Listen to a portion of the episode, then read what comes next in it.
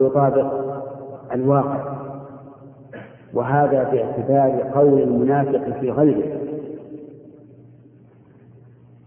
أما باعتبار قوله في نفسه فهذا إذا قال عن نفسه من صالح رجل فهذا يخالف الاعتقاد ويخالف الواقع.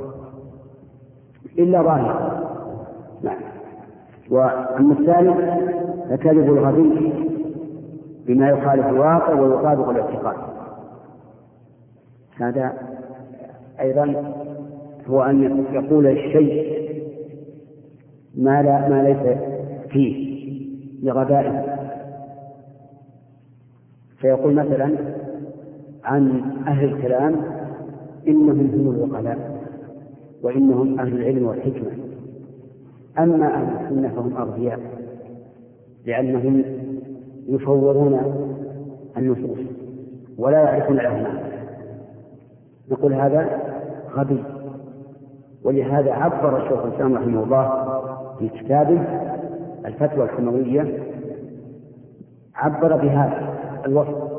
فقال قال بعض الأغبياء طريقة السلف أسلم وطريقة الخلف أعلم وأحكم لأن يعني هذا غبي. كذلك من يشاهد الصوفية وتصنعهم وعباداتهم فيقول إنهم أهل الصلاح وأهل الولاية. نقول أنت غبي لا تعرف حقيقة.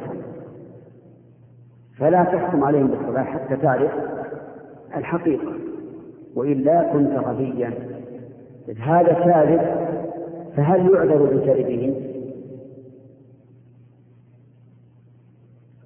عجيب. نقول إن فرط في البحث فإنه لا يعذر وإن كان هذا منتهى علمه فإنه يعذر لأنه جاهل.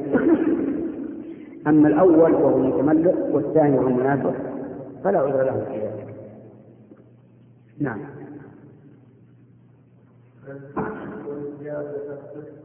انتهى انتهى.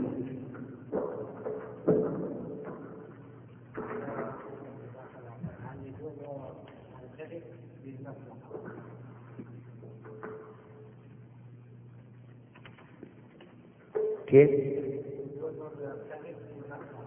مثل مثل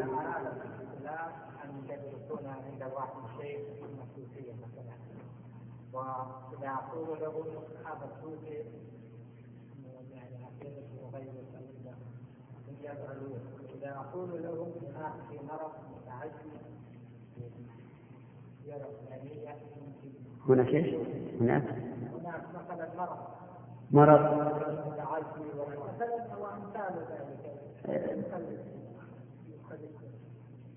ها. يعني تقول هذا المرض فيه مرض معجز معجز. أخاف من ظنه لا ما يصلح. لأن هذا ربما يقول نحن نشاهد شيخا رجل نشيط وبحرية ولا في الآن يعني هم أرادوا أن التعلم الكلية طيب. زين أن لا يقرأ عليه أن لا يقرأ عليه طيب فقلت هذا هذا مرض. معدي. طيب.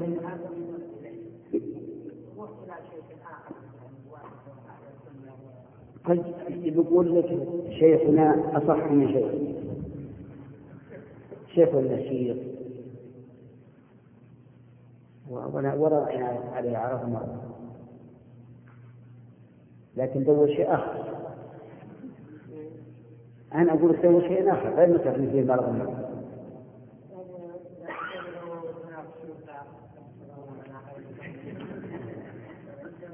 لا لا حتى لا لأنه إذا خرج ولم تحكم الشرطة ما تبين الكلام. فاسد نعم. ما يمكن تقول فيه واحد مثلا يعلم أحسن من هذا. أخشى بعضهم يروحون لهذا ويجدون أن صاحبهم الأول أحسن تعليم لكن أرى في مثل هذه الحال أن تصرح الواقع. وإن صاحبكم هذا يقول كذا ويقول كذا ويقول كذا.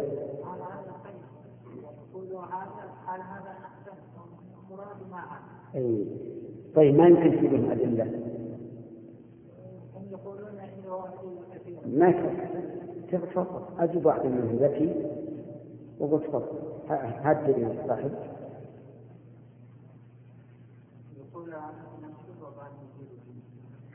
كيف؟ يعني طيب احدث لأن المشكلة إذا جئت مريض أو فيه مرض معدي أو أو أو أنه مثل جاسوس مراد مخروج منهم مرض الاخير ما يخالف لكن هم يفهمون أنه مرض الجسم. وإذا رأى صاحبهم يأكل فيشكي وينام فيهجع ويسابق في- فيسبق ورأوا ما شاء الله صحته طيبة.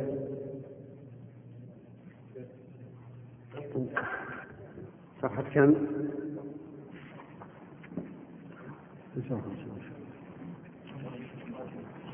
أي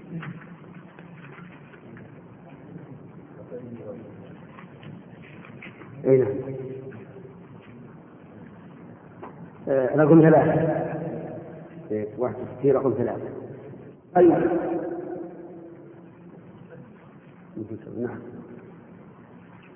بسم الله الرحمن الرحيم. الحمد لله رب العالمين وصلى الله وسلم على نبينا محمد وعلى آله وصحبه أجمعين. قال الشيخ بكر بن عبد الله أبو زيد في كتابه حلية حلية طالب العلم في الصفحة الواحدة والستين الأمر الثالث وكذب الغبي بما يخالف الواقع ويطابق الاعتقاد كمن يعتقد صلاح صوفي مبتدع فيصفه بالولاية.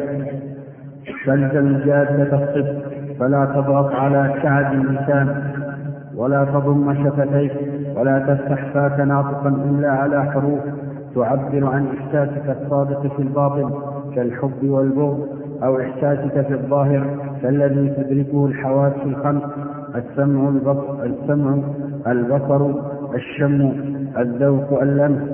فالصادق لا يقول فالصادق لا يقول أحببتك وهو مبغض ولا يقول سمعت وهو لم يسمع وهكذا. واحذر أن تحوم حولك الظنون فتخونك العزيمة في صدق اللهجة فتسجل في قائمة الكذابين.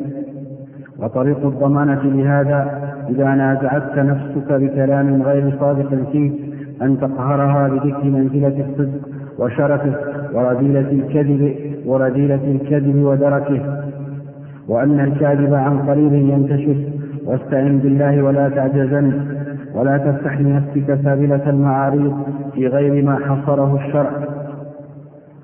فيا طالب العلم احذر أن تمرق من الصدق إلى المعاريض احذر أن تمرق من الصدق إلى المعاريض كالكذب وأسوأ مرامي هذا النعوق الكذب في العلم بداء منافسة الأقران وطيران السمعة في الآفاق. ومن تطلع نقطة مهمة جدا هو أن بعض الناس يتسرع يتسرع في الرقي إلى العلو. بما يلفقه وي- ويوهم الناس به من أن عنده علما واسعا وأنه عبقري وأنه في كل فن له يد وما أشبه ذلك. وهذا لا شك أنه غلط عظيم. فهو مع جمع الكذب فيه خيانة للناس وإيهامهم خلاف الواقع.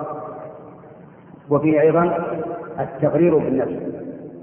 أن أن الإنسان يزهو بنفسه حتى يحجمها ويكبرها وهي دون ذلك.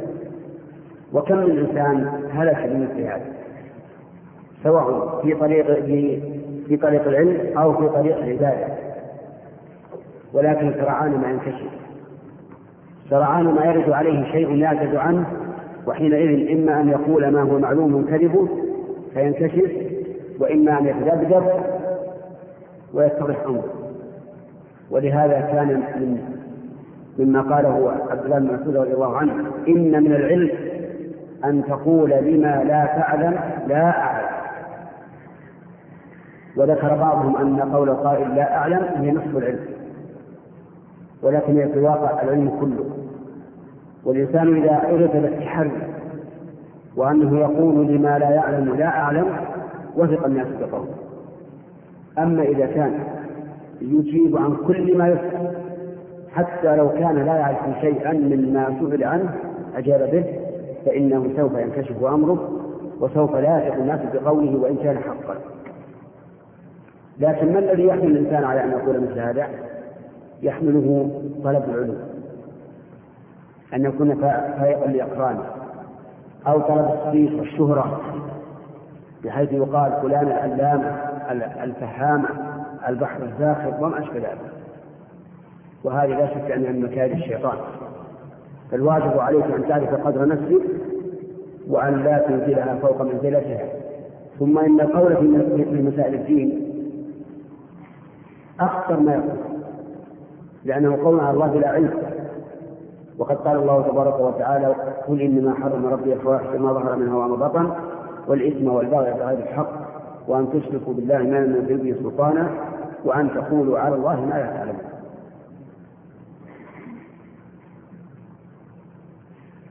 بعض الناس إذا عثر على خطأ قال سبحان الله سبحان الذي لا ينسى نعم سبحان الذي لا ينسى لكن أنت لم تنسى بل أنت إيش؟ جاهل من لم يطلع عليك النسيان بل أنت من الأصل جاهل. فالواجب أن الإنسان يعرف نفسه. نعم. ومن تطلع إلى سمعة فوق منزلته فليعلم أن في المرصاد رجالا يحملون بصائر نافذة وأقلاما ناقدة فيزنون السمعة بالأثر فتتم سعيتك عن ثلاثة معان. أولا فقد الثقة من القلوب. الثاني ذهاب علمك وانحسار القبول. الثالث ألا تصدق ولو صدقت. وبالجملة فمن يحترف فمن يحترف يصرف القول فهو أخو الساحر ولا يفلح الساحر حيث أتى. والله أعلم. هذا صحيح. ما قاله صحيح. الإنسان إذا تطلع إلى السمعة فقط وأن ينزل فوق من ثلاثين فسرعان ما ينكشف. ثم إن النية النية في طلب العلم يجب فيها الإخلاص لله عز وجل. ولهذا ورد عن النبي صلى الله عليه وسلم أن من طلب علما وهو مما يبتغى به وجه الله لا يريد إلا أن ينال عرضا من الدنيا لم يرح رائحة الجنة وأن من طلب العلم يماري به السفهاء أو يجاري به العلماء فليتبوأ مقعده من النار. فالمسألة خطيرة ولا سيما العلوم الشرعية. وذكر ثلاثة مضار. أولا فقد الثقة من القلوب. متى تفقد؟ إذا تبين أنه قال عن جهل ما يثقون به وينصرفون إلى غيره. ثانيا ذهاب علمك. وانحسار القبول. لأنه إذا فقد الثقة لم يقبله الناس. فإذا كان يقبله مثلا عشرة فإذا فقدوا فإنهم إذا فقدوا الثقة انحسروا إلى إيش؟ إلى خمسة أو إلى أكثر والثالث أن لا تصدق ولو صدق. حتى لو حدثتهم بحديث يعرفونه قالوا هذا ظنك من غير وهو لا يعرف. فالحاصل أن الإنسان يجب أن يعرف قدر نفسه وأن يحترم العلم وأن لا يجعله وسيلة للرقي الذي نعم للرقي الخادع نعم. الأمر نعم. إيش؟ اي نعم. يزينون السمع بالاثر يشوفون الأثر. هل يدل على علمه وسعة علمه أو لا؟ نعم. يتغلم لأن الناس إذا إذا لم يقتلوه ذهب عليه نعم. سليم. بعض الناس على على الانسان يكذب سمعت يقول كذا اللسان من قوله أو أو. إيه. هذا هذا أشد. هذا أشد. والكذب على العلماء في الشريعة خطر عظيم. ولهذا كان من كذب على الرسول عليه الصلاة والسلام متعمدا فجزاؤه أن يتبوى مقعده من النار. الكذب على العلماء في الشريعة خطير جدا. لأنه كذب على الشريعة. وبعض الناس إذا استحسن شيئا في نفسه وعرف أن الناس لا يقبلوه منه. آه، تخيل العالم الذي يثق الناس به ثم لطخه بها. حق ولا باطل؟ قال لا. نعم وبعض الناس يفهم خطأ. يفهم خطأ. قبل سنوات كنا نتحدث ونقول إن في خطبة الجمعة نقول إن إن ليلة النصف من شعبان ليست هي الليلة التي يقدر فيها ما يكون في السنة. وأن الناس الذين يسمونها ليلة المحو والكتب المحو والكتب. هذا كلام غير صحيح. خرج بعض العوام قالوا فلان ليلة النصف من شعبان هي ليلة المحو والكتب. نعم. فصار فهم الأمر على عكس ما ما قلت. فمشكلة نعم.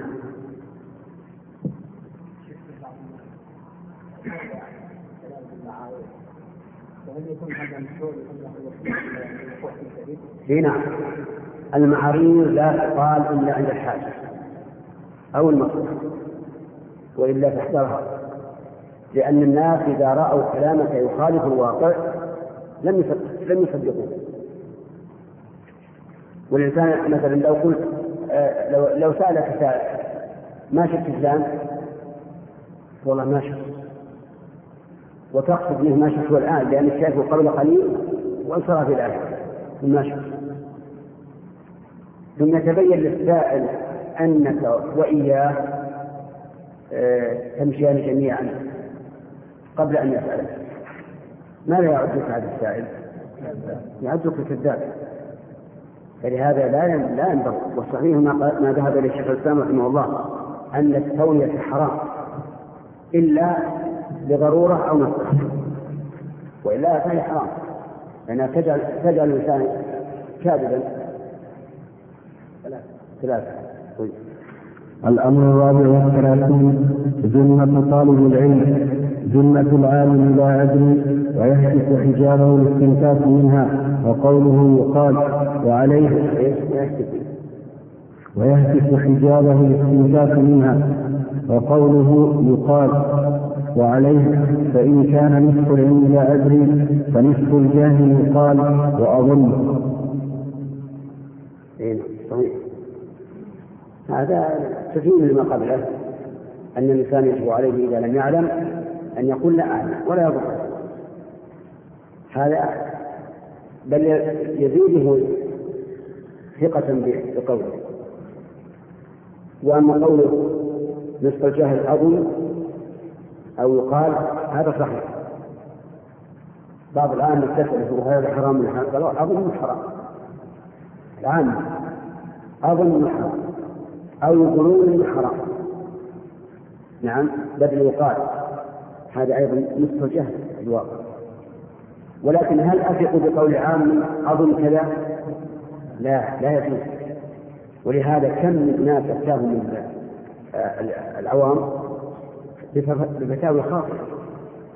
ولا سيما في أيام الحج. أيام الحج سبحان الله العظيم يكثر العلماء. تجد كل عمود خيمة تحته عالمان كل واحد نعم حتى إنه قيل لي إن واحد من الناس قال إن الذي يطوف في السطح أو في الدور الثاني يكفيه عن سبعة أشواط ثلاثة أشواط ونصف لماذا؟ لاتساع الدائرة وكأنه قاس الأشواط بالخطوات هنا نعم. وعلى على على قياس قوله أن الذي يطوف في أطراف الصحن يكفيه كم؟ أربعة لا لا خمسة. خمسة لأنه ليس كالذي عند عند الكعبة عند الكعبة أقل. إلا أن يقال مشقة هذا الذي عند الكعبة تقابل كثرة خطوة هذه فيمتنع فيها. نعم. على كل حال أنا أقول إنه لا يجوز الاعتماد على فتوى العامة أبدا. لا تستفتي إلا إنسانا تثق به في علمه وأمانه. نعم. الأمر الخامس والثلاثون المحافظة على رأس مالك ساعات عمرك الوقت الوقت للتحصيل فكن حلف عمل لا حلف بطالة وبطر وحلف معمل لا حلف لا حلف تله وثمر فالحفظ على الوقت بالجد والاجتهاد وملازمة الطلب ومسافنة الأشياء والاشتغال بالعلم قراءة وإقراء ومطالعة وتدبرا وحفظا وبحثا لا سيما في أوقات شرخ الشباب ومقتبل العمر. ومعدن العافية فاغتنم هذه الفرصة الغالية لتنال رتب العلم العالية فإنها وقت جمع القلب واجتماع الفكر لقلة الشواغل والصوارف عن عن التزامات الحياة والترقص ولخفة الظهر والعيال. ما للمعيد وللعوائل قال عمر رضي الله عنه قال تفقهوا قبل أن تسود وفي لفظ قبل أن تسود لأن الإنسان إذا ساد في قومه كثرة المشاغل وكثرة الأفكار وتفرق وتمزقت بينما يعزم على شيء إذا بحاجة المذهب به أشد إلحاحا مما عزم عليه فيتفرق. ولهذا اجتهد ما دمت في زمن الإنهاك وأنتج وأعمل وابحث واجعل بطون الكتب هي مرئيات حتى تعتاد على هذا. واعلم أنك إذا اعتدت على هذا على الجد والاجتهاد صار طبيعه لك بحيث لو أنك كسلت يوم من الأيام يا يحيى فإنك تستنكر هذا وتجد الفراغ. انظر الآن أنتم على ابواب الامتحان. إذا انتهت الامتحانات تجد تجد الإنسان يجد فراغا. وش بيسوي؟ فإذا عودت نفسك الاجتهاد والجد أخذت عليك. وليكن بحثك مركزا بحيث لا تقصد من كل زهرة جزءا. اجعل البحث مركزا. الأهم فالأهم. حتى يكون لك ملكة تستطيع أن تخرج المسائل على القواعد. والفروع على الأصول. هنا. ما للمعيد ما للمعيد وللعوالي إنما يسعى إليهن الفريد الفارد وإياك وتأمير التكليف على الجنس كثير العيال وللعوالي جمع عاشر يعني المنازل العالية إنما يسعى إليهن الفريق الثالث المتفرع لكن إذا كثر العيال وكثرت المشاغل الهتك لأن الإنسان بشر والطاقة محدودة فما دمت متفرغا فلتكن متفرغا. ولا تظن أننا نريد بهذا أو أن المؤلف يريد بهذا أن لا نقصد العيال والنكاح أبدا. بل هذا بل إن النكاح قد يكون من أسباب الراحة. إذا وفق الإنسان فيه ويسبقت له امرأة صالحة. نعم. وإياك وتأمير التشويش على نفسك فلا تسوي في نفسك بعد الفراغ من كذا وبعد التقاعد من العمل هذا. وهكذا بل الإدارة قبل أن يسقط عليك قول أبي الطحان القيم حنفي حاميات الدار حتى كأني خاتل أدنو لخيري أصير الخط يحسب من رآني ولست مقيدا أني لقيدي سبحان الله. تشبيه عجيب حنفني حنايا حاميات الدهر. حتى كأني خاتل إيش؟ أدنو للصيد تعرفون الخاتل الصيد؟ ها؟ يحصل ظهره كان الغافل ويمشي شوي شوي على الأرض. يخشى أن الطير يخص به فيعطيه مثل يخص قصير الخط يحسب من رآني ولست مقيدا أني بقيد. يعني يحسب أني بقيد ولست مقيدا. وهذا صحيح. لأن لأن الله عز وجل قال في السابق الله الذي خلق كل ضعف ثم جعل من بعد ضعف قوة ثم جعل من بعد قوة ضعفا وشيئا. يخلق ما يشاء وهو العليم القدير جل وعلا. والإنسان في حال شبابه يظن أنه لن يفعل ولن يسأل ولن يمل لكن إذا كبر فكما قال زكريا ربي إني وهن العظم مني واشتعل الرأس شيئا. لا بد أن يفعل لا بد أن يمل فكون الإنسان ينتهز الفرصة هذا أمر لا بد منه. نعم. وقال أسامة بن منقذ مع الثمانين عاف الضعف في جسدي وساءني ضعف رجلي واضطراب يدي. إذا كتبت فخطي خط مضطرب كخط مبتعش كفين مبتعد فاجر بضعف يدي عن حملها قلما من بعد حمل الخنا في لبة الأسد. فقل لمن يتمنى طول مدته؟ هذه عواقب طول العمر والمدد. فإن فإن أعملت الإدار فهذا شاهد منك على أنك تحمل كبر الهمة في العلم. هذا كله أبيات أبيات حكمة. أن الإنسان مآله إلى هذا يقول مع الثمانين من بلغ ثمانين سنة حاف الضعف في جسد أي انتشر وشاع اليد الرجل الظهر الصدر القلب الرأس. وساعني ضعف رجلي واضطراب يدي الرجل ما تحمل. الإنسان ولهذا يحتاج إلى عصا. تكون رجلاه بدل اثنتين ثلاثة. وساعني ضعف رجلي واضطراب يدي إذا كتبت فخطي خط مضطرب كخط مرتعش كالطين مرتعش. تجد الإنسان مثلا يقول هكذا. لأنه ضعف مرة وهذا مشاهد في كبار السن. تجده يصل هذا.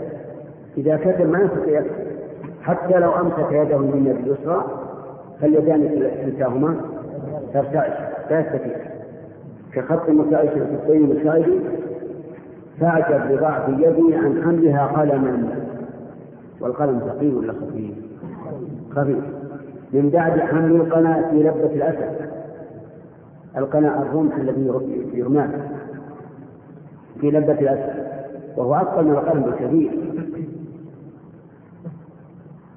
فقل لمن يتمنى طول مدته هذه عوائد طول العمر والمدد نعم هذا هذا العقل. ولهذا قال الشاعر لا طيب للعيش ما دامت منغصة لذاته بادكار الموت والهرم لكن المؤمن والحمد لله ما دام عقله باقيا وقلبه ثابتا فإنه وإن بلغ هذا المبلغ من العجز البدني فالقلب حاضر يستطيع أن يستغل وقته بذكر الله عز وجل ورجائه والتفكر بآياته وغير ذلك لأن هذا لا عجز عنه في الغالب إلا الغفلة والغفلة شيء مشكل. على كل حال المؤلف وفقه الله يدعون إلى انتهاز الفرصة. وأن لا نضيع الأوقات. واعلم أنك إذا اعتدت إضاعة الوقت فسوف تعجز فيما بعد عن إيش؟ عن الحث عليه وعن الانتفاع به لأنك تكون اعتدت على كسب. فإن قال قائل أليس من أليس لنفسك عليك حقا؟ فالجواب بلى لنفسك عليك حقا ونحن لا نقول إذا تعبت أو مللت استمر. نقول استرح. حتى الإنسان الذي يصلي إذا أتاه النعاس مأمور بأن يدع الصلاة وينام. لكن نقول ما دمت نشيطا. فاحرص لأن هناك فرق بين العجز وبين الكسل الكسل ضعف في الإرادة والعجز ضعف في البدن وضعف البدن لا حيلة فيه. لكن الإرادة هي التي يستطيع الإنسان أن يعود نفسه على الهمة العالية حتى يستغل الوقت. نقف على هذا أجله إلى غد. نعم. بسم الله الرحمن الرحيم. الحمد لله رب العالمين وصلى الله وسلم على نبينا محمد وعلى آله وصحبه أجمعين. قال الشيخ بكر بن عبد الله أبو زيد في كتابه حلية طالب العلم. الأمر السادس والثلاثون إجمام النفس. خذ من وقتك سويعات تجنم بها نفسك في رياض العلم من كتب المحاضرات الثقافة العامة. فإن القلوب يروح عنها ساعة فساعة وفي المأثور عن أمير, عن أمير المؤمنين علي بن أبي طالب رضي الله عنه أنه قال أجموا هذه القلوب وابتغوا لها طرائق الحكمة. فإنها تمل كما تمل الأبدان وقال شيخ الإسلام ابن تيمية رحمه الله تعالى في حكمة النهي عن التطوع في مطلق الأوقات بل في النهي عن بعض بل في النهي عنه بعض الأوقات مصالح أخر من إجمال النفوس بعض الأوقات من ثقل العبادة كما يجم بالنوم وغيره. ولهذا قال معاذ إني لأحتسب نومتي كما أحتسب قومتي وقال بل قد قيل إن من جملة حكمة النهي عن التطوع مطلق في بعض الأوقات إجمام النفوس في وقت النهي لتنشط للصلاة فإنها تنبسط إلى ما كانت ممنوعة منه وتنشط للصلاة بعد الراحة. والله أعلم. انتهى.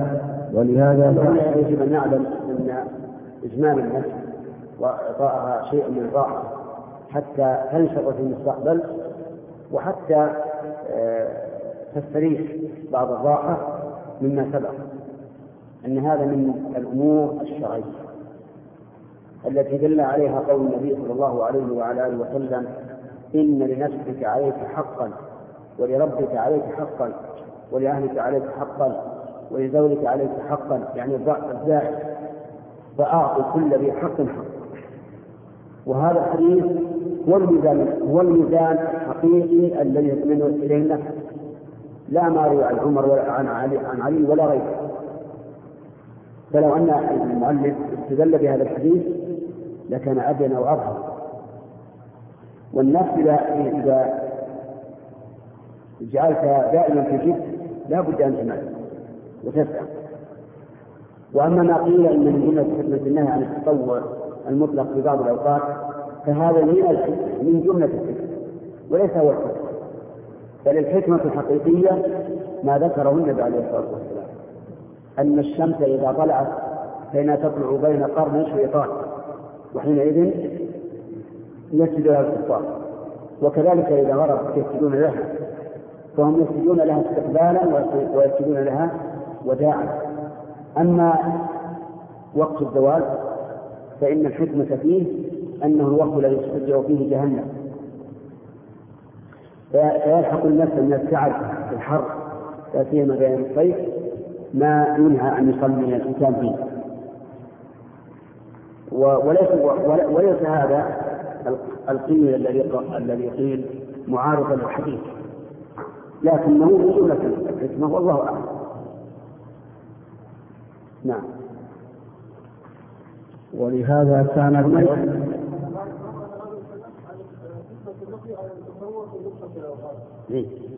يعني في كل الأوقات مطلق الأوقات يعني كل الأوقات يعني بدون قيد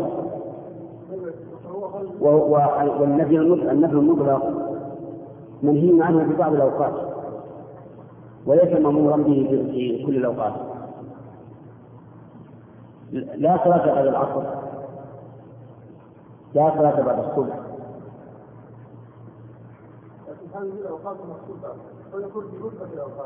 يعني مطلق كلها هذه مثلا الأوقات المخصوصة أوقات مقيدة.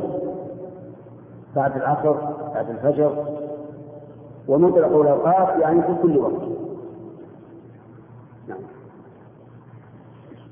ولهذا كانت العطل الأسبوعية للطلاب منتشرة منذ أمد بعيد. وكان الأغلب فيها يوم الجمعة وعصر الخميس وعند بعضهم يوم الثلاثاء ويوم الاثنين وفي عيدي الفطر والأضحى من يوم إلى ثلاثة أيام وهكذا. ونجد ذلك في كتب العطل الأسبوعية من زمان لكن بعضهم يقتصر على الجمعة فقط وبعضهم يقتصر يريد الجمعة يوم الخميس وبعضهم يجعل الجمعة ونصف الأسبوع وكان شيخنا عبد الرحمن بن سعد رحمه الله يفعل هذا. يكون العطلة يوم الجمعة ويوم الثلاثاء الذي هو في الأسبوع علشان لأجل أن لا يتوالى يومان كلاهما عطلة ولئلا يمل الإنسان. وهذا يأتي على كل حال يرجع إلى أحوال الناس والأحوال تختلف. فيجعل من العطل ما يناسب نعم.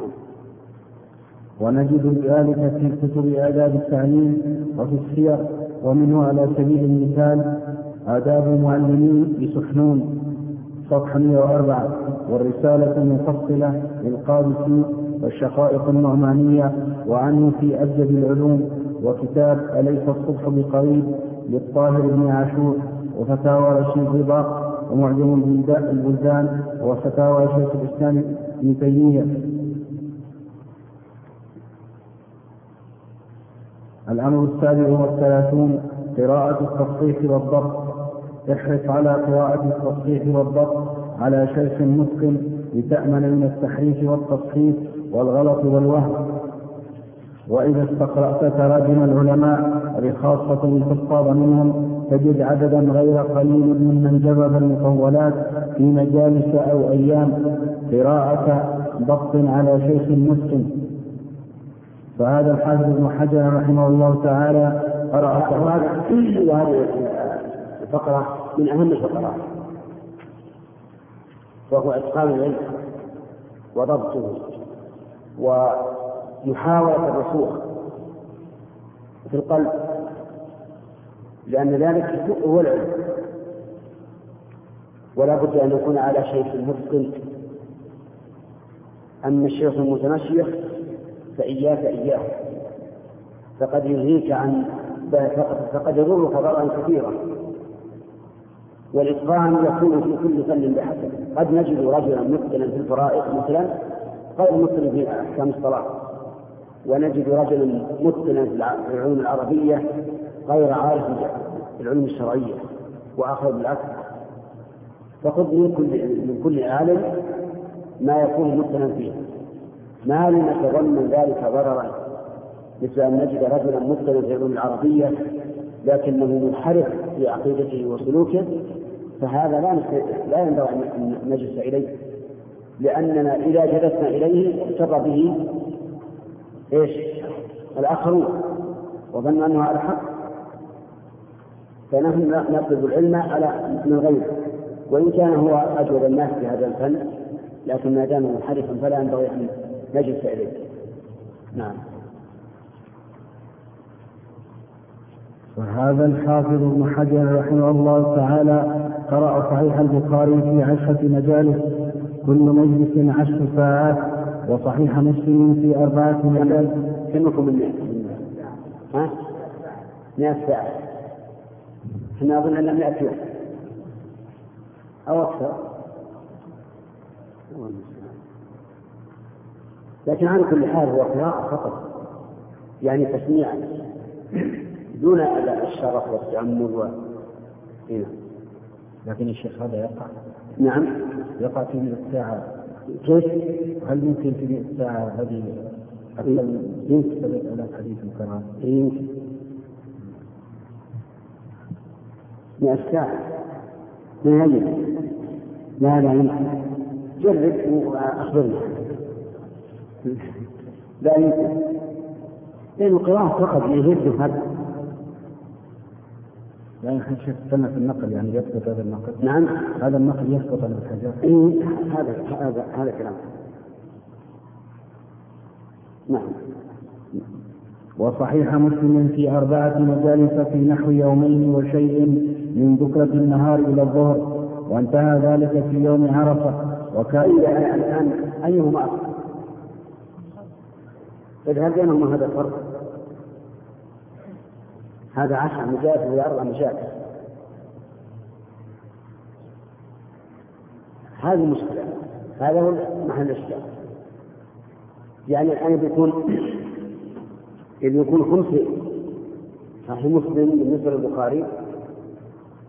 كم؟ خمسة. وهذا أقول فيه نظر ما يستطيع ما يمكن. إن, إن أراد أن يشوف الأهمية ويقف عند كل حديث ويذكر مثلا ما فيه من النكت فهو كما قال الأخوان مصطفى ومصطفى ما يمكن. نعم؟ كيف؟ لا مكان مسلم ما يمكن في أربعة مجالس إلا كان المجلس. عشرين ساعة يمكن لكن بعيد هذا بعيد. نعم. نعم وانتهى ذلك في يوم عرفة وكان يوم الجمعة سنة ثلاثة عشر وثمانمائة وقرأ سنن ابن ماجه في أربعة مجالس ومعجم الطبراني الصغير في مجلس واحد بين صلاتي الظهر والعصر. هذا.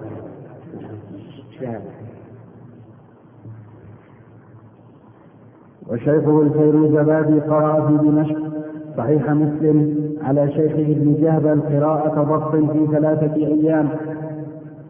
وللخطيب البغدادي والمؤتمن التاجي وابن الأبار وغيرهم في ذلك عجائب وغرائب يقول ذكرها وانظرها في السير للذهبي.